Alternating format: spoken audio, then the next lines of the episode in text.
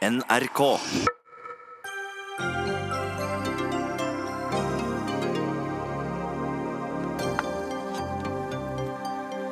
Hele livet har hun stemt Høyre, men nå orker hun ikke mer. KrFs inntreden fikk en lojal Høyre-velger til å se rød-grønt. Er nikking i fotball skadelig for hjernen? Fotball uten nikking er meningsløst, mener Ingebrigt Sten Jensen, mens Uefa vurderer forbud.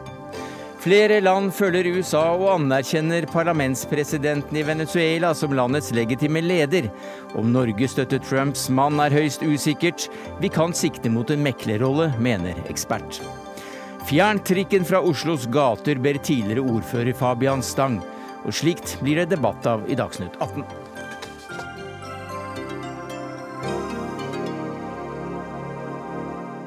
Ja, Det er noen av sakene vi byr på denne torsdagen, der vi også får en debatt om pappvin.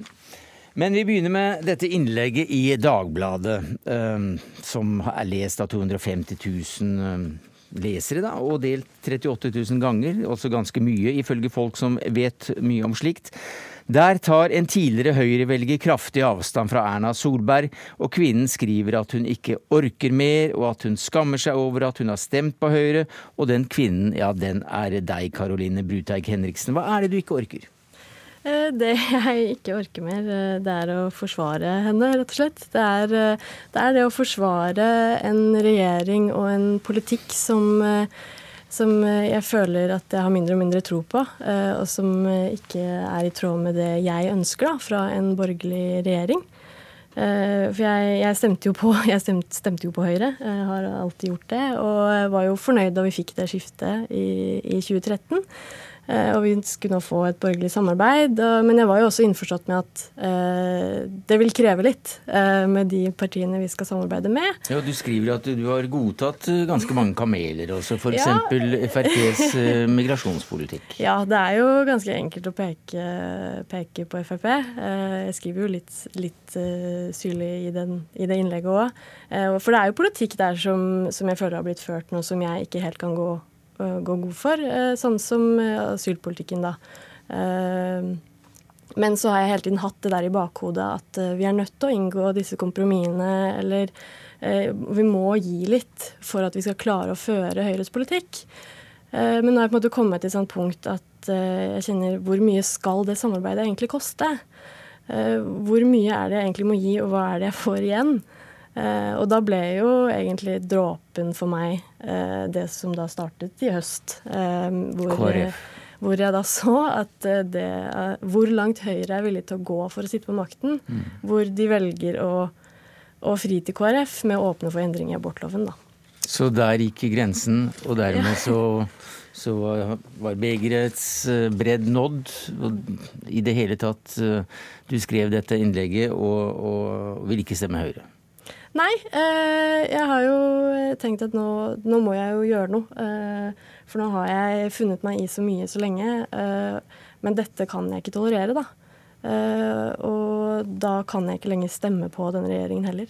Du skriver at grensen gikk da de ga KrF muligheten for å bestemme over kvinners kropp? Det stemmer. Det, det er noe jeg jo mener de ikke bør ha rett til å bestemme over. Mm. Og ja. Mathilde Tybring-Gjedde, du er stortingsrepresentant for Høyre. og um, her mister dere altså en lojal og trofast uh, Høyre-velger. Hva sier du? Altså Først vil jeg bare takke deg for stemmen din i 2013 og 2017. Eh, hver eneste stemme vi får, betyr jo at vi har fått kjempet for våre hjertesaker, som er jo veldig mye forskjellig.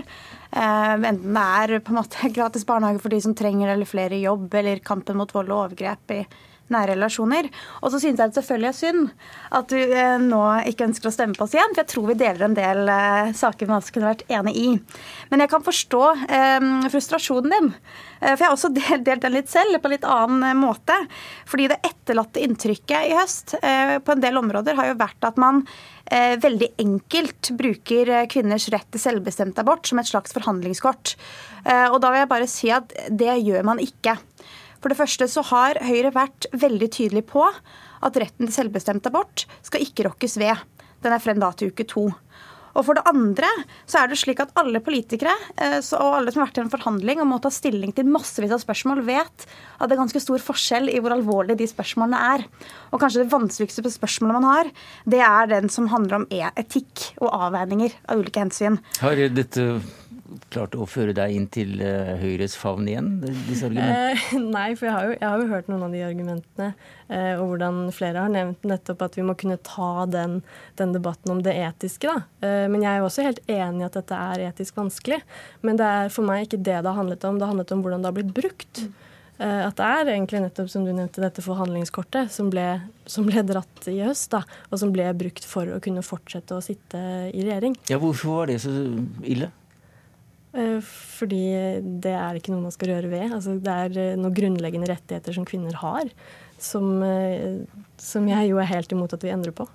Jeg vil bare si at Dersom det var snakk om å røre ved retten til selvbestemt abort, da kunne vi gått foran i demonstrasjonstoget sammen. For det ønsker heller ikke jeg. Men det var også hvordan det ble brukt i høst.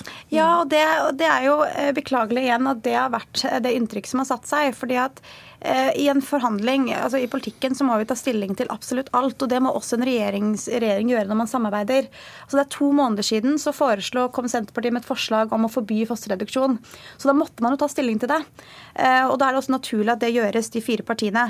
Men så har jeg vært opptatt av at f.eks. bioteknologiloven har ikke fått en innstramning. Abortloven, med unntak av spørsmål om fosterreduksjon, som er et veldig vanskelig etisk spørsmål som man ikke egentlig har hatt en politisk diskusjon om, og som de medisinske fagmiljøene ber om at man avklarer, eh, så står, eller uten, ut, eh, bortsett fra det, så står abortloven, eh, abortloven fast.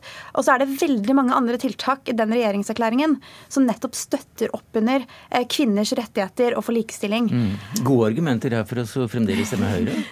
det er jo det. Um, men det føles jo litt rart å skulle si at det ikke er noe form for innskrenkning, når tvillingabort er noe vi kan bestemme helt fint selv før uke tolv i dag, men som er noe som man må da ta gjennom en nemnd hvis vi går for denne ja, innskrenkningen. Da. Mm. Eh, så det er jo en endring. Så Fosterreduksjon um, var jo først avklart for i 2016. Jo, men er det en endring? Ja, så Det vil jo være en endring, men i dag så utføres eh, fosterreduksjon De åtte eh, tilfellene av fosterreduksjon av friske fostre som ble utført i fjor, ble utført etter uke tolv. Altså etter grensen for selvbestemt abort. Men en endring er det? Ja, det vil jo være en endring, men jeg mm. mener at det vil faktisk være en avklaring av lovverket som det medisinske miljøet ønsker seg. Og jeg ser også at Jordmorforeningen støtter den endringen, for de mener at det er eh, riktig.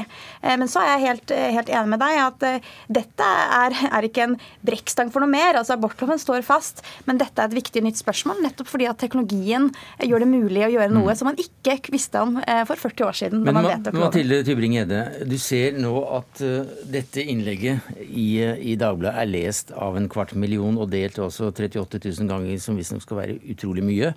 Eh, og det pga. at eh, abortspørsmålet ble brukt i, i høst. Hva sier du til det? Jeg sier at jeg skjønner frustrasjonen over hvordan denne debatten har blitt. Og det er mange partier, inkludert Høyre, som skal ta sitt del av ansvaret for det. Eh, men jeg er da opptatt av å si at dette er ikke en innskrenkning av retten til selvbestemt abort, og at det er viktig at vi tar disse etiske diskusjonene. Nei, for jeg, jeg, ser at du også setter et spørsmålstegn ved, ved alt dette, også uh, med referanse til, øh, til KrFs uh, lille oppslutning. Ja, jeg syns jo Det syns jeg er vanskelig. Fordi selv om jeg har tålt mye av Frp sin politikk, så har de faktisk hatt en relativt høy eh, oppslutning òg, om det er 16-17 mm. og kan på en måte tåle at det eh, må mer av deres politikk gjennom i det samarbeidet. Mens her mm. har vi et kristent parti som eh, akkurat kom seg over sperregrensen, eh, som vi da skal please med å gjøre endringer som, som ikke Ja. Mm. Altså, det vil alltid være slik et samarbeid man diskuterer ulike spørsmål. Og selvfølgelig de ulike partiene, fire partier, vil ha mange ulike meninger. Men for oss har det vært veldig tydelig at abortloven ikke skal rokkes ved utenom dette spørsmålet. Og så er det klart at eh, det kommer til å oppstå mange vanskelige etiske debatter i årene fremover. Eh, og KrF, som alle andre partier, kommer til å måtte stå i stormene de diskusjonene. Eh, og Høyre kommer til å ha vår egen politikk, uansett om vi nå er i et samarbeid med KrF eller andre partier. Litt nærmere å stemme Høyre allikevel etter dette? Jeg er litt usikker usikker også. Prøve litt til. Takk skal du ha, Karoline Bruteig-Henriksen tidligere Høyre-velger i alle fall. Mathilde Tybring-Gjedde, absolutt en Høyre-velger, som stortingsrepresentant for partiet. Dagsnytt 18 alle hverdager klokka 18.00 på NRK P2 og NRK2. I Venezuela erklærte presidenten i nasjonalforsamlingen seg som landets legitime leder, og ble straks anerkjent av USAs president i går, med klar støtte fra Danmark, og flere land er på glid i dag. Litt uklart hva Norge mener, det skal vi komme tilbake til, men president Nicolas Maduro han kalte dette et statskupp, og slik er nå situasjonen i, i landet. Det er altså en stat med to personer som hevder å være landets legitime president, og hvordan er situasjonen nå tidlig i ettermiddag lokal tid? Leif Marstein Trede, du er førsteamanuensis ved Sammenlignende politikk ved Universitetet i Bergen. Jo, eh, det, vi regner jo med at eh, demonstrasjonene fortsetter i dag. Men det er et lite spenningsmoment å se om, eh, om opposisjonen greier å mobilisere like mange folk i gatene og greier å opprettholde presset. I går var det jo en veldig store demonstrasjoner som var fredfylte i mange byer. Og, og så ble det litt voldshandlinger på natta, der myndighetene slo hardere ned på, på folk som tok til gatene. Men det er lovet at det skal fortsette med demonstrasjoner, så, så blir det litt spennende å se da om, om, opposisjonen greier å opprettholde dette presset som, som de overraskende nok eh, greide å mobilisere til eh, i, i, går. Eh, men de er avhengig av eh, et sterkt eh, folkelig press, eh, demonstrasjoner i gatene, for å øke presset på de militære, slik at de med større sannsynlighet vil da vurdere å skifte side og støtte Guaidó istedenfor Maduro. Ja, for vi hørte deg i Nyhetsmorgen si at akkurat det militære de spiller en nøkkelrolle. Ja, det, det, er ingen tvil om det. og, og Opposisjonen og Guaidó er jo helt åpne på det. Eh, Guaidó sa for en del dager siden at dersom de militære vil legge ned våpnene nå, eh, eller skifte side, eh, så, så, vil han sikre de amnesti og immunitet inn i et nytt regime. Dvs. Si han vil ikke forfølge dem eh, rettslig eh, for de eh, overgrep som er gjort, de voldshandlinger som er gjort på kant med loven. og dette er jo for å senke kostnadene for militæret med det å skifte side. slik at de ikke har noe å frykte eh, under, en nytt, eh, under, en ny regjering.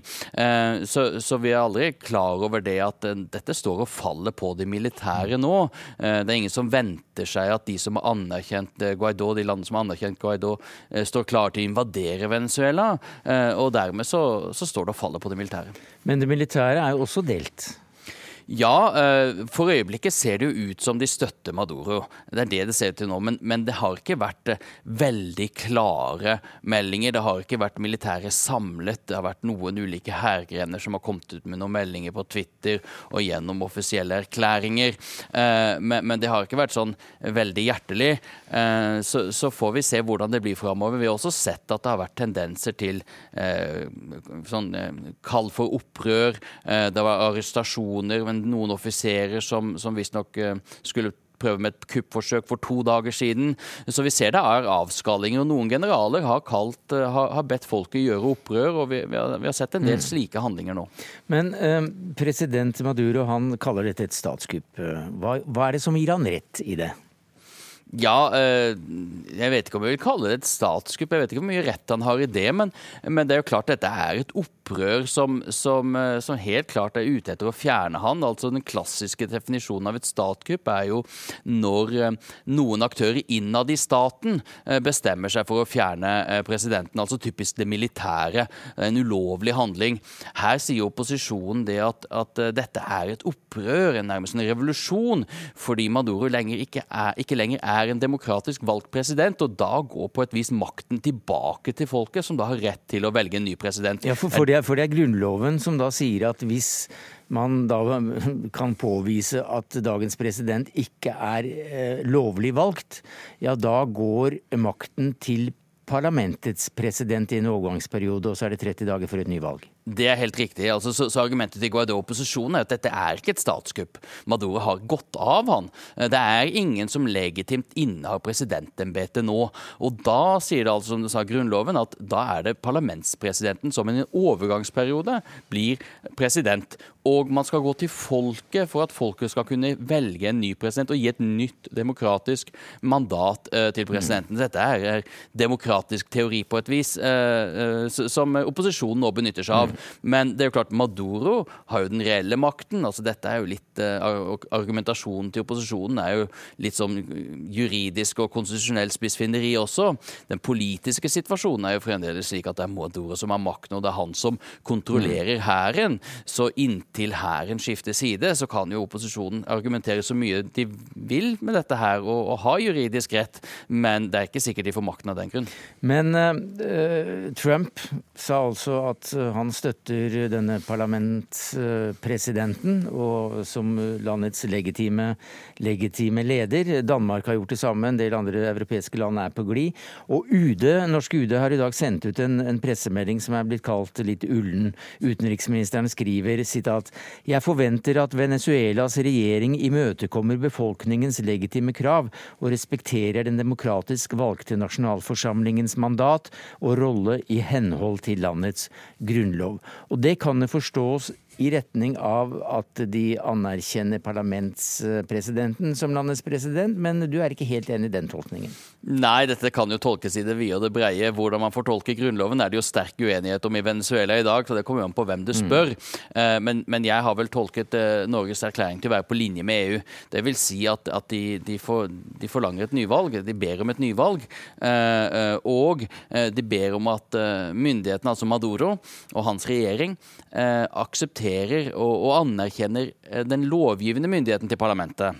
Um, det står ingenting der om at det er Guaidó som er anerkjent som landets president. Så det er et visst skille der mm. mellom det Trump har sagt og det uh, Lima-gruppen, altså søramerikanske stater, har sagt og Canada har sagt. Men dette var altså såpass ullent at vi ba UD komme og klargjøre for oss, men, uh, men det har de ikke gjort.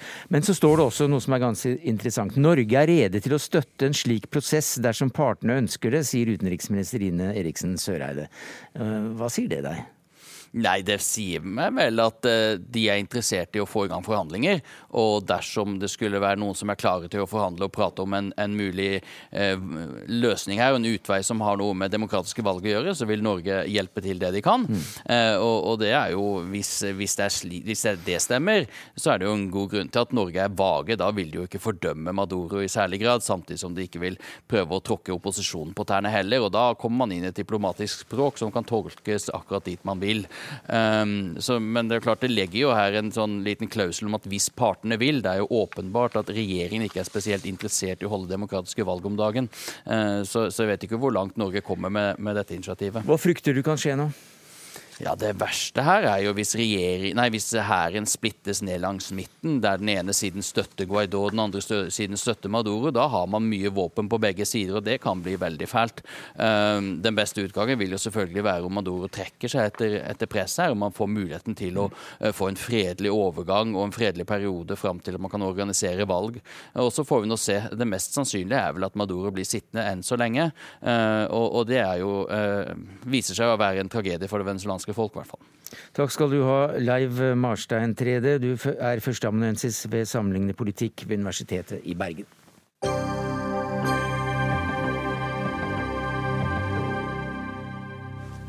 Kort om sport nå, for nikking i fotball, ja det kan selvfølgelig gjøre veldig vondt. Men er det skadelig, og bør det eventuelt forbys? Det spørsmålet prøver bl.a. norske forskere å finne et svar på, med EU som sponsor. Uefa, den europeiske fotballunionen, vurderer å forby headinger i aldersbestemte klasser, og forskerne svarer, om forskerne svarer ja på dette spørsmålet.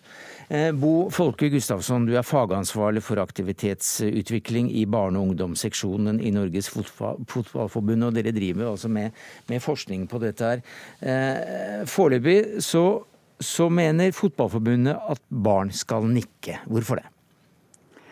Nei, vi, eh, vi, forholder oss til både Fifa og Uefas anbefalinger så langt. I tillegg så har vi vår egen medisinske ansvarlig, Tor Einar Andersen, som kanskje vil jeg påstå er en av de fremste på, på feltet i landet her, og, og, både deltar og følger forskningen nøye. Så enn så lenge så har ikke vi funnet eller sett noe grunnlag for å verken forby eller ilegge restriksjoner rundt, rundt heading i barne- og ungdomsfotballen. Nei, for de skal nikke mye for å trene.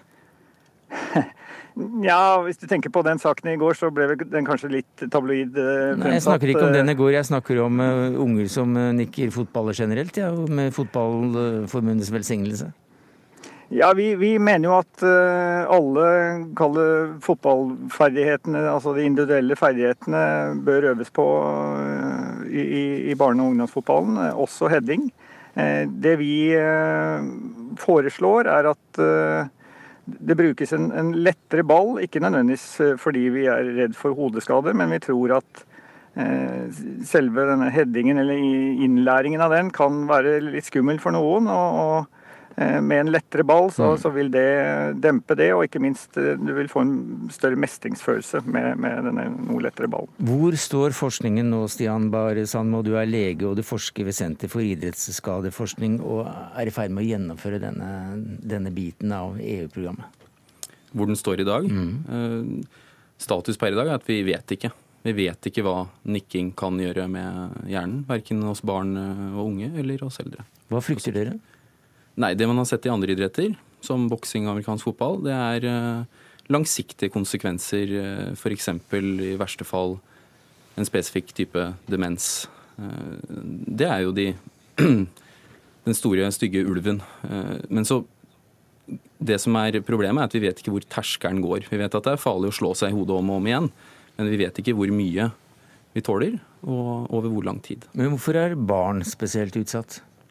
Vi driver med en spesifikk studie hvor vi ser på øh, barn og unge i 14-16-årsalderen, hvor vi følger de over tid og sammenligner de med andre idrettsutøvere fra andre idretter. Og Den gruppen er spesielt interessant nummer én fordi den ikke har blitt forska på før, i hvert fall noe særlig grad, og nummer to øh, fordi man da er i en veldig rask utvikling, øh, hele kroppen, inkludert hjernen. Ingebrigt Sten Jensen, du er Ja, hva er du i dag når det gjelder fotball? Fotballidiot er evig alltid. Hva synes du om fotballen hvis man fjerner nikkinga? Min første reaksjon var jo at eh, det ville vært en helt absurd opplevelse å se fotballkamp uten nikking. Men så kom jeg jo på hvordan det var å se Barcelona i 2010, da de hadde det beste fotballaget i verden noensinne har sett. De nikka aldri. Det var to mann som var over 1,75. De, de trilla langs, langs bakken hele tida. Så kanskje en fotballkamp uten nikking hadde vært interessant eller kunne utvikle seg. Men for å være litt alvorlig, mm. så vi som da jobber med norsk fotball og, driver med barne- og ungdomsfotball, vi har jo selvfølgelig eh, en stor interesse av om det, om det, kan være skadelig. For hvis det kan være det, så må vi jo se hva det går an å gjøre for å unngå det. Altså Vi vil ha et sunt sjel i et sunt legeme, ikke en dement hjerne i et hjernerysta hode, liksom. Så, så, så så det er, det er, jo veldig viktig det dere holder på med. Eh, jeg skjønner at det er et internasjonalt nybrottsarbeid. Og skulle det vise seg, og det høres jo ikke helt usannsynlig ut, har jo sett noen groggy gamle karer som har nikka mye og lenge. Nevn ikke eh, navn. Nei, det skal vi ikke gjøre. Så, så, så, så, vil jo vi være interessert i å bidra på alle mulige måter for, at, for å løse det. Men har du tro på at eh, nikking blir forbudt i fotball? Jeg vil ikke tro at det ble det i overmorgen. Eh, eh, det er sikkert et langsiktig Det kan det godt hende dere ikke har. Altså, De har jo ikke noen målsetting om å forby nikking, selvfølgelig. har målsetting om å finne ut av om det er farlig. Men det, det tror jeg nok ikke. Og så er det jo utrolig hva vi men vi venner oss jo til mye rart òg, ikke sant. Vi trodde jo at det aldri ble gøy å se på hopp når han Boklöv sprika. Det ble ikke noe gøy å se på langrenn vi skulle bytte ski. Og, og, så det jo, ble det jo akkurat like moro rett etterpå. Så, så fotball uten nikking kan være en interessant, en interessant tanke, det. Men uh, hvis du ser f.eks. på en kar som eh, Alan Sherry, som nevnes ofte i denne diskusjonen, hadde vel 46 uh, eh, mål i, uh, i ligaen med huet, bare. Mm. Han sier jo selv at han er i ferd med å bli dement? Ja. Eh, det ble laga en dokumentar på BBC høsten 2017. Folk mm. kan jo grave fram den hvis de ønsker å forstå mer av bakgrunnen for hvorfor han er bekymra. Uh, og det her er jo det som også gjør farvannet litt uklart. fordi en spiller som Alan Shearer han har jo veldig ofte også hatt flere hjernerystelser. Og det er en annen ting. Det er forskjell på det og nikking. Nikking er stort sett asymptomatisk, dvs. Si at du ikke merker noe med en gang. Uh, og det vi prøver å gjøre nå, er å luke ut effekten av de, og se om også de lavgradige hodestøtene er skadelige. Så ja, er, så selv om du ikke får vondt i huet akkurat rett etter at du har nikka, så kan du få en senskade, så å si? da? Ja. For å drive litt folkeopplysning, så en god sammenligning er litt som å, hvor mye sol du tåler før du brenner deg. Du tåler litt. Så kommer det en terskel hvor du uh, ser konsekvenser av det. det samme, den samme sammenligningen gjelder nok for uh, hodestøt også. Bo Folke Gustavsson, som, eh, som, idrettsleder så kan du vel kanskje eh, påpeke at det finnes forskjellige måter å nikke på også. Er det en teknikk som dere skal lære bort? Ja, og det er jo nettopp litt av det aspektet jeg tenker eh, kan være lurt å øve på allerede fra tidligere alder. Det er en teknikk, og jeg tror også at man trener opp noen muskler for å, for å Eh, utøve den teknikken bedre ved å, ved å begynne tidlig, men med, altså med, en, en lettere ball for å, at flere eh, ønsker å øve på det, og at det, at det, blir en større mestring og at det blir morsommere, rett og slett. Men hva med å løpe rundt med hjelmer, da? Vi har jo sett fotballspillere med, med hodehjelmer. ja, eh, jeg vil jo påstå at å, å, få til en god teknikk med, med, en hjelm på hodet Ja, du får noen ganske store begrensninger der, så jeg, jeg ser ikke helt det for meg. Nei, men vi, vi satt og snakka om dette på jobben, og det ble jo voldsomt engasjement, selvfølgelig. Dette interesserer folk veldig. Og Petter Cech blir jo trukket frem med keeperen til ja, Arsenal og, og Chelsea, vel. Denne han? Han nikket jo ikke mye. Han nikket jo ikke ballen mye. Men så øh, begynte jeg med googling da, vet du, for å finne ut av litt av dette. her, mm. Og da fremsto det i hvert fall, i de, de rapportene jeg skumma gjennom, at det var ikke noe som tydet på at det hjalp å ha hjelm. Er det riktig? Ja, det er jo noen som har sett på det også. Det som er utfordringen når man nikker og, og slår seg i hodet i boksing, amerikansk fotball, alt det der, er jo akselerasjoner inni hjernen. Det er det man er interessert i, og det er det som sannsynligvis fører til konsekvensene, hvis det er noen. Og Der hjelper ikke hjelm? Nei, det er det man har sett. Man har prøvd å måle det. Akselerasjon med og uten hjelm f.eks. Og der er ikke tallene entydige. Men hvordan man nikker da? Altså teknikken Det har sannsynligvis effekt. Hvis du har eh, hvis du har eh, sterk nakkemuskulatur og en god teknikk, så vil eh, hjernen bli utsatt for mindre akselerasjon, altså omfang per hodestøt, da, enn eh, hvis man ikke har det. Scherer er jo tidenes hodespiller omtrent, og hvis han også har blitt dårlig av dette, så hjelper det ikke å ha klokkerene treff og nakkemuskulatur og rotasjon og alt mulig. Var du kjent som en god nikker? Eh, overraskende bra til å være så liten. Men jeg er i hvert fall kjent for å være nærme meg noe demensaktig. Da. Ja. Men vi får slutte mens leken er god, tenker jeg. Takk skal du ha, Ingebrigt Steen Jensen. Eh, fotballidiot, var det det du sa? I hvert fall en Stabæk-elsker. Og til Stian Bar Sandmo, lege og forsker, og Bo Folke Gustavsson, fagansvarlig ved aktivitetsutvikling i Norges Fotballforbund.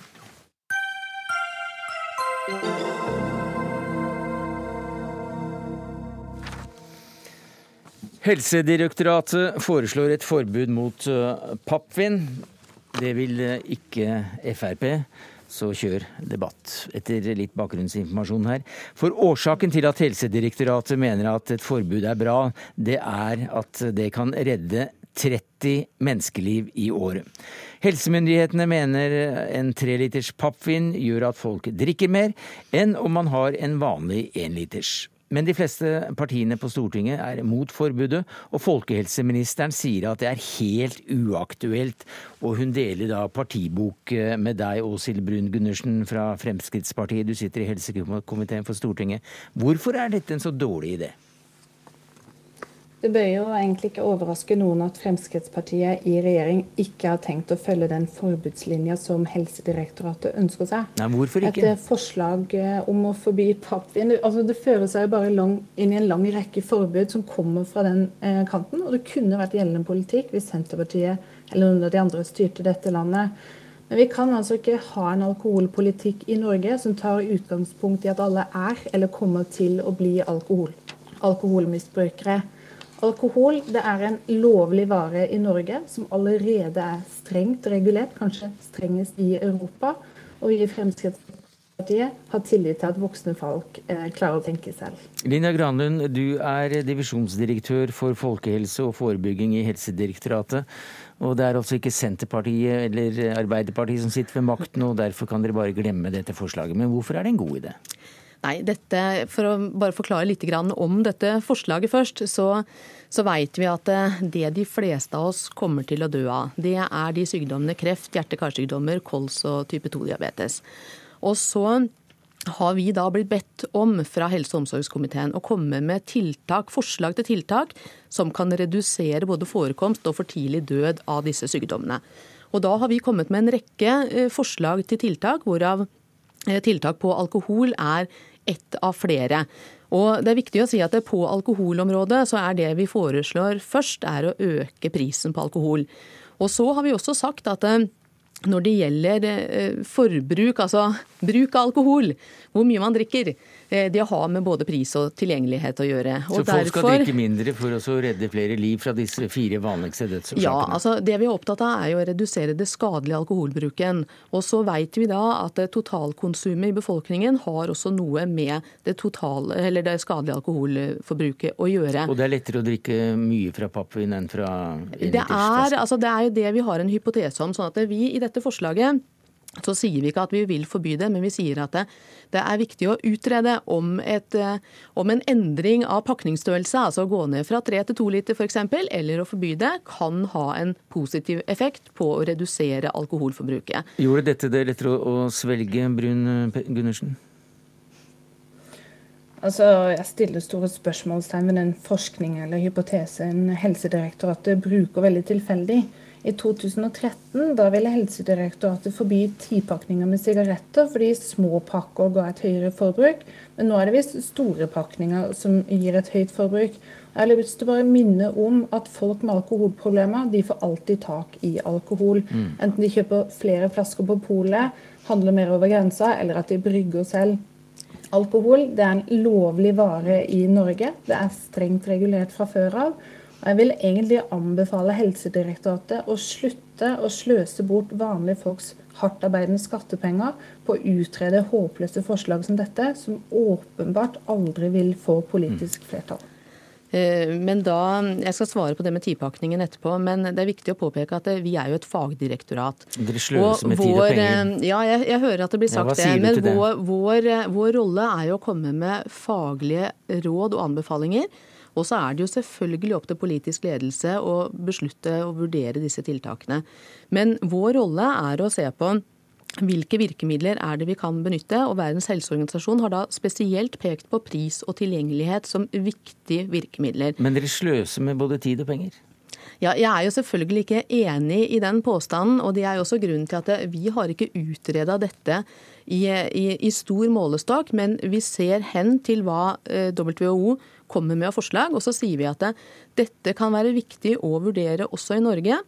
Men dersom man ønsker å gå videre med det, så må det ytterligere utredes.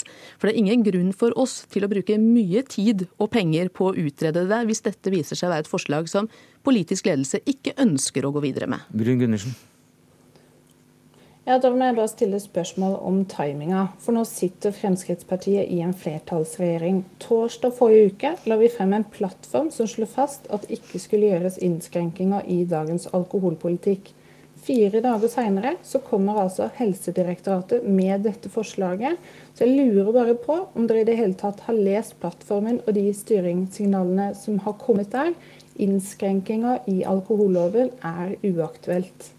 Og da må jeg bare få lov å svare at eh, dette dokumentet som denne debatten baserer seg på, den ble levert til Helse- og omsorgsdepartementet 1.9.2018. Så dette er ikke et nytt dokument, og det var på oppdrag fra Helse- og omsorgsdepartementet for at vi skulle komme med nye tiltak for å redusere for tidlig død av disse mm. sykdommene. At dette, har kommet opp nå er at, ja, at dette har kommet opp nå, er at eh, det har blitt bedt om innsyn i dette dokumentet. Og disse forslagene og utfordringene på folkehelseområdet var også grundig debattert under mm. Arendalsuka i 2018. Det er også dere som har eh, bestilt dette dokumentet og denne forskningen? Eh, nei. Eh, Fremskrittspartiet og regjeringa kommer til å legge frem en folkehelsemelding rundt påsketider som skal ta inn over seg ganske mange elementer i folkehelsepolitikken. Men jeg er glad for at vi i en flertallsregjering nå har slått fast at det ikke vil bli innskrenkinger i alkoholpolitikken. Vi utvider altså Vinmonopolets åpningstider på lørdagene og gjør eh, tilbudet lettere tilgjengelig for folk. Og når vi skal diskutere alkoholmisbruk, så må vi gjøre det på en annen måte enn å innskrenke vanlige folks tilgang til eh, vin på Vinmonopolet. Mm. Så uh, eh, KrF er en slags garanti for at pappvinen overlever? Flertallsregjeringa har i regjeringsplattformen slått fast at det er uaktuelt mm. med innskrenkinger i alkoholloven. Og Det er jo viktig for oss å presisere at det, vi, vi skjønner at dette ikke er et populært forslag. Eh, og vi gjør jo ikke dette her for å oppfattes som helsemoralister, men som et fagdirektorat så er jo vi opptatt av folks helse og at man skal leve lenge og bra. Og Da er det vår jobb å se på hva er det som er gjort i andre land, hva er det som anbefales av Verdens helseorganisasjon, og hva bør vi da anbefale til politisk ledelse basert på det. Takk skal eh, dere ha, Linda Granlund, divisjonsdirektør for folkehelse og forebygging, og Åshild Brun Gundersen, stortingsrepresentant og medlem av helsekomiteen for Frp. Hør Dagsnytt 18 når du vil. Radio NRK Radio.nrk.no.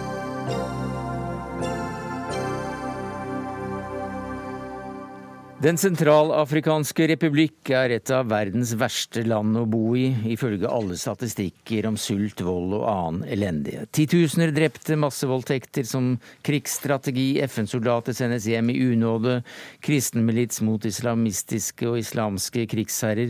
De har slåss for hvem det nå enn er, om diamanter, gull og uran siden 2013. Men nå er det altså et, et bitte lite håp, for i dag møtes eh, noen av partene i Sudans hovedstad Khartoum. Thomas Røen, du er høyskolelektor i internasjonale studier og freds- og konfliktstudier ved Bjørknes høgskole i Oslo. Og du har bodd i en årrekke i dette landet, kjenner forholdene godt. Hva er det som skjer i Khartoum i dag? Altså, eh, Det møtet i Khartoum er en videreføring av et arbeid som Den afrikanske union, AU, starta allerede i 2017, eh, mot slutten av året der. Eh, og Altså, Den sentralafghanske republikk har jo vært prega av mer eller mindre kontinuerlig vold siden landet opplevde statskupp i 2013. Eh, og dessverre så har ikke initiativet fra AU i 2017 avhjulpet den situasjonen noe særlig. Nå har eh, man endelig fått et initiativ i Khartoum eh, for å prøve å imøtegå de ekstreme tilstandene vi ser i landet nå. Fordi etter en periode med en liten avtagning i volden, som vi så i 2013 og 2014, så er nok situasjonen nå, ifølge mange, tilbake på de nivåene vi så på det verste i 2013. Eh, og to tredjedeler av landets befolkning eh, er avhengig av humanitær mm. hjelp. Eh, vi ser at landet er på kanten av sult. og jeg tror det møtet her det er nok en slags erkjennelse av at nå kan vi ikke vente på riktig forhandlingsposisjon lenger. Nå kan vi ikke dra føttene etter oss lenger. Nå er det viktig å, å få til samtaler for å avhjelpe situasjonen i landet. Men eh, partene møtes altså tross alt, da? De møtes tross alt, og det har ikke vært lett å få til. Eh, Sudans utenriksminister har virkelig strevd for å eh, holde alle samla. Og det er jo et problem også at det har vært flere initiativ parallelt. Nå har alle stilt seg bak initiativet i Sudan, i Khartoum. Det er ganske bred enighet om at nå må vi sette inn ressursene her. Og det er en veldig positiv ting. Jan Egeland, generalsekretær i Flyktninghjelpen. Hva er situasjonen i landet? Situasjonen i landet er eh, sjokkerende. Eh, jeg var der i november. Eh, altså, du kan tenke deg Dette er i utgangspunktet kanskje verdens fattigste land. 70-75% av landet er under kontroll av bevæpnede bander, grupper, geriljasoldater. Det er jo ingen lov og orden noe sted. Volden mot kvinner, eh, mot barn, er helt fryktelig. Og midt oppi dette så prøver vi da en del hjelpeorganisasjoner å nå ut til flest mulig mennesker. Men det er vanskelig, for det er jo en virkelig kanskje verdens mest glemte konflikt. Eh, hvem bryr seg om Sentralafrikansk republikk? Hvem satser på å, å, å bringe fred og sikkerhet der, ja, nå har vi faktisk endelig et initiativ eh, som kan lykkes i Khartoum, så vi satser alt på at det skal lykkes. Det er en flyktningsituasjon i landet også? Ja, Det er jo mellom én og to millioner internt fordrevne. Eh, det er altså mennesker som har fått sine landsbyer, sine hjem, eh, brent ned eh, av veldig ofte bander, men det kan også være regjeringssoldater. Og så flykter de ut i bushen, og så samles de da i leire som bl.a. Flyktninghjelpen er med på å drive. Vi bygger også hus til dem, prøver å gi dem sikre hjem andre steder. Delvis er det drevet av religiøse motsetninger, men stort sett så er jo dette bander som kjemper om naturressurser, politisk innflytelse, økonomiske interesser, med naboland som rører rundt i dette. Uh, her bor verdens fattigste folk på toppen av diamanter, edle, edle ressurser. Det ligner litt på Kongo, uh, bare med enda mindre oppmerksomhet. Thomas Røen, hvor langt tilbake i tid vil du gå for å forklare det som skjer i dette landet? Ja, I det formatet Dagsnytt 18 er, så tror jeg vi kan gå ikke så veldig langt tilbake, men altså, eh, går litt tilbake, så ser en noen linjer i, i Den sentralafghanske republikks historie som kan bidra til å kaste lys over det som skjer i dag. Ja, vi er gode til. Eh, landet grenser jo til to Kongo, to Sudan. Det er jo en dårlig start for mange land. Eh, og så er Kamerun og Tsjad også naboer som det kan være vanskelig å ha. Så det er en vanskelig region. Og historisk sett så har jo Den sentralafrikanske republikk vært et område som har henta slaver i, fra omkringliggende sultanat. Så under fransk koloniherredømme så blir det et land. De grensene som er i dag, tegnes da, sånn omtrent. Eh, men under fransk kolonistyre så skjer det at den østlige delen av landet gjøres autonom. Og i en sammenheng her så betyr autonom at du er ikke selvstendig, du er ikke fri, men eh, du må selge en egen sjø.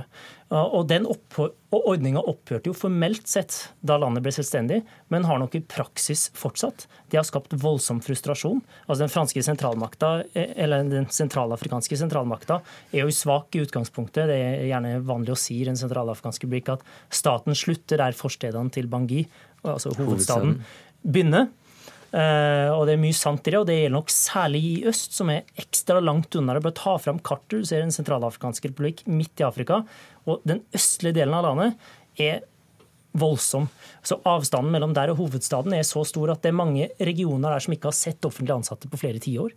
Uh, det er mange i landet som ikke har fått lønn på flere år.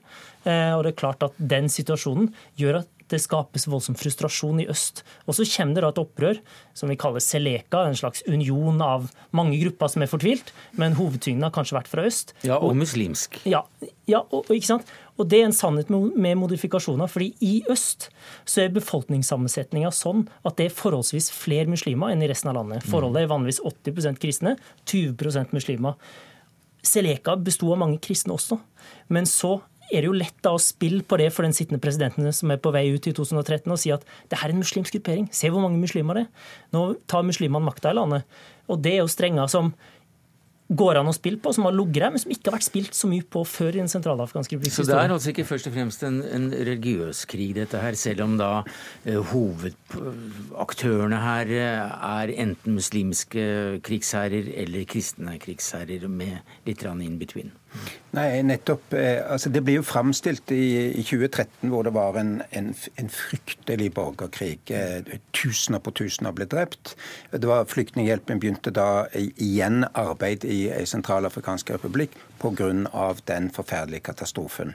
Og vi har vært der siden. Eh, da ble det framstilt som om det var, det var muslimer mot kristne, en slags klassisk religionskonflikt. Jeg så en del av disse unge guttene med kalasjnikover de ser ikke veldig religiøse ut. De ser veldig fattige ut, og de ser veldig arbeidsløse ut. Og de ser ut til å ha fått våpnene veldig billig, og de ser ut til å jobbe for helt andre krefter. På mange måter er det vel kapitalkrefter som sitter i naboland, sitter i hovedstaden og andre steder, som sier til disse her unge guttene nå må dere ut og slåss og ta territorium. Eh, og så skal jeg sette i gang gruvedrift eller, eller, annet. Det er det som ligger bak. Eh, og Det er veldig farlig derfor å kalle det for en religionskonflikt. Jeg tror jeg delvis naboland og en del interesser ønsker å framstille det som. Ja, jeg tror jeg nevnte at det var en islamittkonflikt også, eller at det var eh, de som var involvert, men, men det, det, var, det, det, var, helt feil.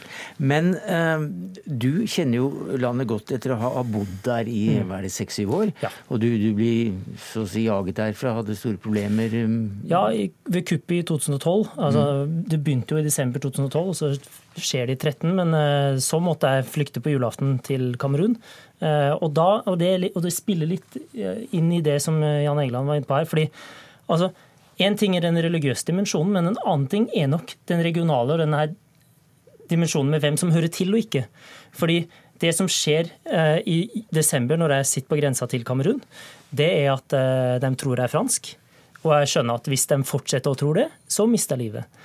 Mister livet? Ja. Det, bilen blir omringa, det er en mobb, det er en veldig anspent stemning. Og jeg må ut og dra min beste bushfransk for å overbevise dem om at jeg ikke er fransk, og at jeg er norsk, og at vi har andre interesser og sånne ting. Men ja, den holdninga der er nok ganske talende for hvordan det føles for mange. Overgangspresident Katrin Samba Panza sa det i sin tid at det her handler om politikk og økonomi, ikke om identitet. Og det er nok faktisk også noe som folk helt ned på grasrota er opptatt av.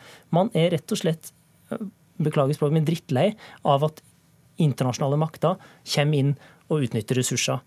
Og så spilles det selvfølgelig også opp av den politiske eliten at det her er noe vi kan skylde på utlandet, men, men, det er nok en viktig dimensjon det her at alle landene rundt blander seg inn. Sånn sett er det positivt at det er en regional skal vi si, stormakt, Sudan, som tar initiativet her, med støtte av Russland.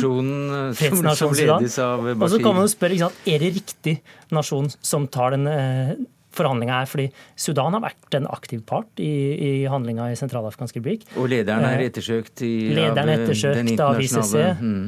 Og eh, det er også sånn at Sudan selger våpen til militsene i Den sentralafrikanske republikk. Så her er det så mange interesser at hvis man skal løse konflikten, så må man ha en god pos eh, porsjon tålmodighet.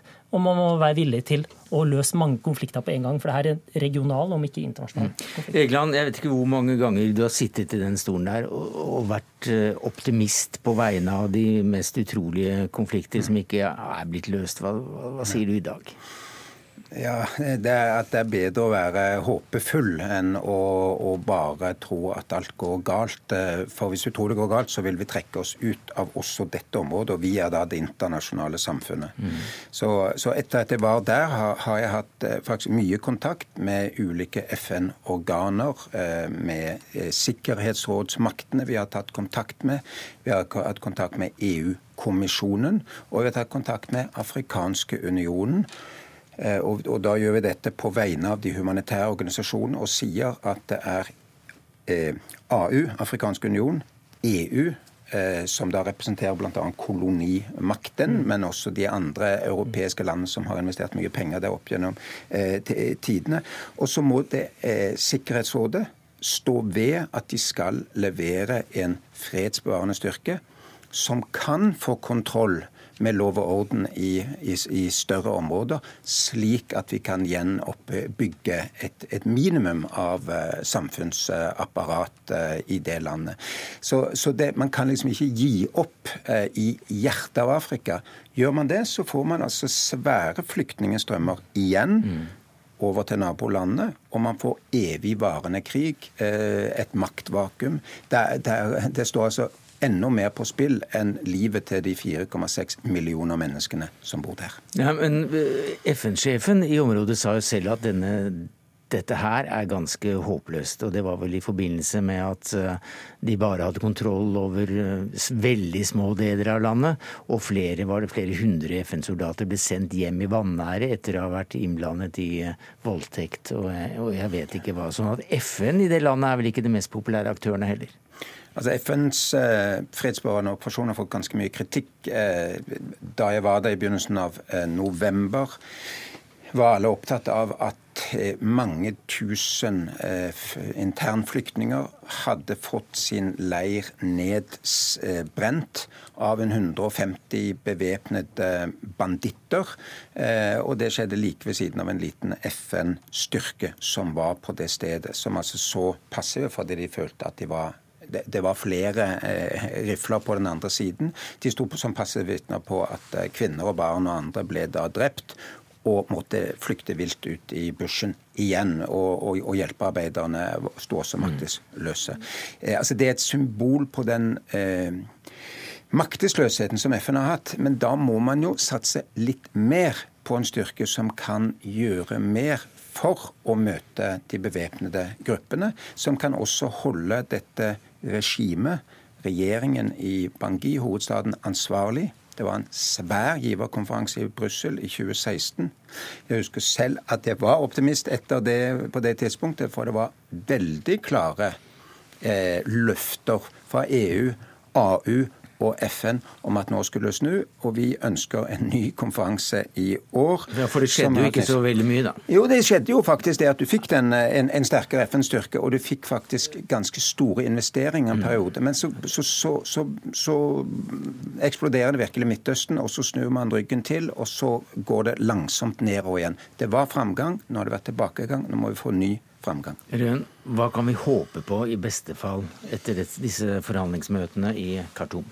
Jeg tror Egeland er inne på at det er viktig at eh, mange av de store er her. Eh, en litt ny makt i Den sentralafrikanske republikk, Russland, er med og backer dette initiativet i Sudan nå. Er det viktig? Det er viktig. Eh, det er viktig at de store internasjonale maktene stiller seg bak der. Og så er det viktig, som du sier, at det, at det, at det kommer økonomisk støtte. For det, her snakker vi om et land der mange ikke har fått lønn på flere år. Der man kanskje bør fokusere mer på å få på plass velgerregistre og den type ting, framfor å snakk om et nytt valg av en ny president som med en gang. Men det vi i beste fall kan håpe på nå, er vel at eh, partene legger våpnene til sides i hvert fall en stund, sånn at man får eh, begynt oppbygningen av en stat som så sårt trenger det. For nå er vi på randen av absolutt katastrofe. Ja. Takk skal du ha, Thomas Røen, høyskolelektor internasjonale studier og fredskonfliktstudier ved Bjørknes høgskole i Oslo, og Jan Egeland, generalsekretær i Flyktninghjelpen.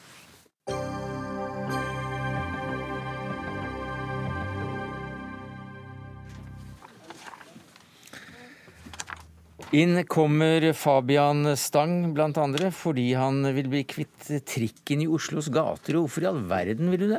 Nei, først må jeg jo si at um, Nei, Si hvorfor du vil bli kvitt trikken. Det forrige temaet er, er, noe mer alvorlig enn jo, da, vårt. Men du er nå her for å snakke om trikken, ja. og den er du imot i Oslo. Hvorfor det? Nei, det, det er jeg ikke. Nei. Fordi at skinnegående transport uh, som går på egen trasé, det er veldig bra. T-banen er en gave til byen, og der hvor trikken går utenom gatene, så er det veldig bra.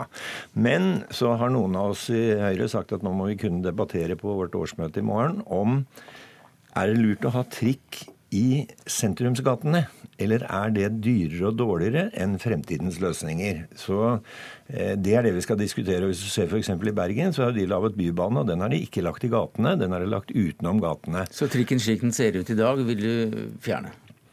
Jeg vil i hvert fall eh, sørge for, eller se om vi skal være enige om at det er dyrt å ha trikk i gatene når vi må grave opp så ofte som vi gjør, fremfor å ha eh, Eller det aller viktigste er jo å få nye T-banetunneler under byen. Det er, der, det er der den store delen av trafikken skal gå. Er det ikke dyrt å bygge T-baner? Jo, men det er, det er, veldig god eh, butikk. fordi at det, det holder lenge og, og er veldig effektivt. men trikken i sentrum gjør at du må grave opp disse gatene gang på gang. Og det syns jeg det er greit å diskutere om er det lureste i våre dager. Er det det lureste i våre dager, Lan Marie Berg, du er byråd for miljø og samferdsel i Oslo?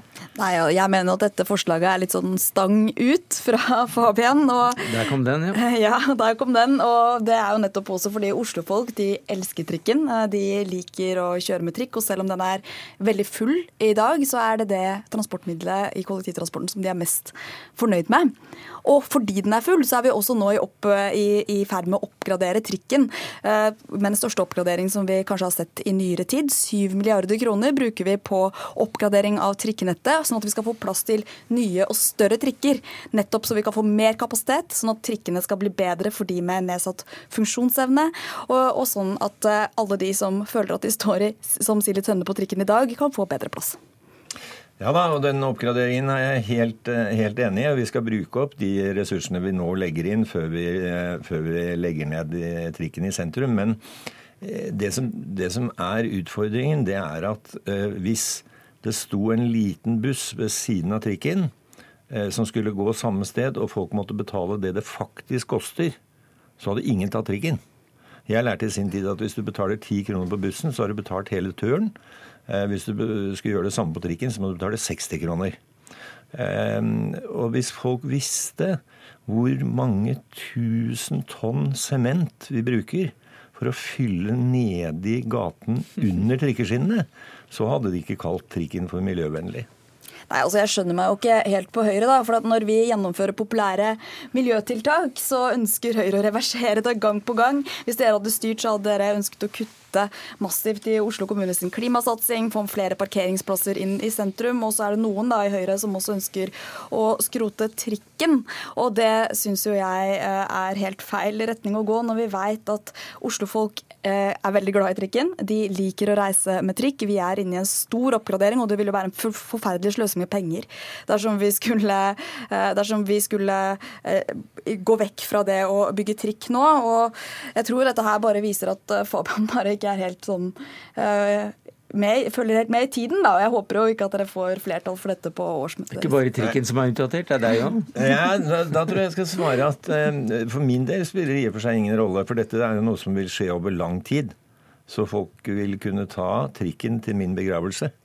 Uh, det er helt sikkert, for den blir ikke borte så fort. Men det er en del unge som nå sier at det er vi som må betale regningen på sikt. Neste oppgradering er det vi som må betale. Eh, og de spør om er det riktig at vi ikke nå ser på en mer moderne teknologi enn den steingamle eh, trikketeknologien. For du snakker om 30, 40, 50 år ja, framover? Ja, det kan fort vekk ta mm. så lang tid å legge om. Ja. og da, da, tror jeg det er sunt å ta de, den diskusjonen. får vi se hva Oslo Høyre lander på. Eh, altså, Det er helt riktig som byråden sier, at eh, folk elsker trikken. Jeg elsker trikken som, som bare det. Eh, men min utfordring er at jeg har vært politiker som har sett hva den koster. Og Da syns jeg det er riktig å si ifra om det.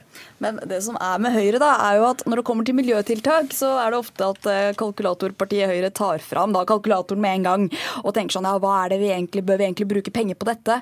Men når det kommer til gammeldagse og svindyre motorveier, da eh, er det mange som er for. og Blant annet så er det jo en motorvei inn til Oslo som koster 40 milliarder kroner, som Høyre kjemper for. Og det forstår jeg ikke helt eh, når vi, når vi står oppe i det som vi trenger, at det er den største oppgraderingen av kollektivnettet um, på uh, siden uh, kanskje noensinne i Oslo. Vi bruker masse penger. Vi, vi skal bygge nytt T-banetunnel gjennom sentrum. Vi satser på bane til Fornebu. Mm.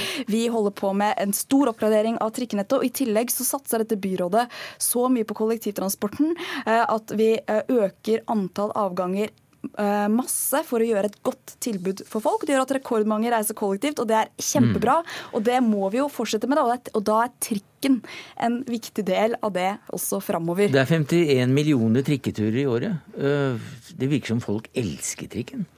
Ja, det er, jo, det er jo, flere på T-banen, da. Eh, og jo, det er jo noen som ikke har noe alternativ. Men, hva er ditt men, forhold til trikken, da? Er ikke ja, du glad i trikken? Jeg snakket med kjæresten nå før jeg, før jeg, kom i studio, og hun sa at her er jeg helt uenig med deg. Ja. Rasjonelt sett så er jeg helt enig med deg, men følelsesmessig så er jeg helt uenig med deg. Ja.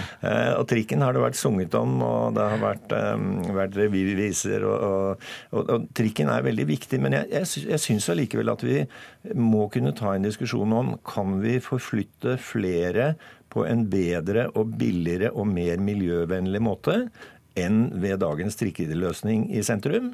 Eller er dagens trikkeløsning det beste? Og Det skal vi diskutere nå i, mm. i helgen. Og Det er vel litt bakstrevers ikke å være med på en slik uh, debatt, er det ikke det? da? Om det finnes bedre løsninger? Det er jo klart at vi kan ha debatter om løsninger, men vi må huske på at når det er 51 millioner reisere med trikken eh, i Oslo i året, så er satt opp mot NSB, så har jo de 74 millioner reiser. Så er veldig mange som reiser med trikken. Så det handler ikke bare om følelser, det handler om at trikken er en viktig del av kollektivnettet i Oslo. Og det kommer den til også til å fortsette å være i overskuelig framtid. Og derfor så håper jeg at uh, Høyre hører mer på uh, meg enn på Fabian i helgen, og på de andre da i Høyre som er mot dette forslaget. Ikke sikkert at Høyre hører veldig mye på deg. Du, du har vel i hvert fall med deg uh, Unge Høyre, har jeg forstått?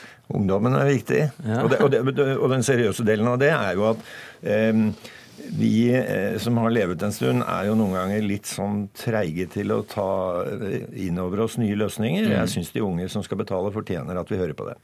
Det var siste ord i uh, denne Dagsnytt 18-sendinga. 'Trikken brenner', skrev Jannicke Wold allerede på 90-tallet for øvrig. Ansvarlig for det hele var Jaran Ree Mikkelsen. Teknisk ansvarlig Frode Thorshaug. Jeg heter Sverre Tom Radøy. Takk skal du ha, Fabian Stang og Lan Marie Berg.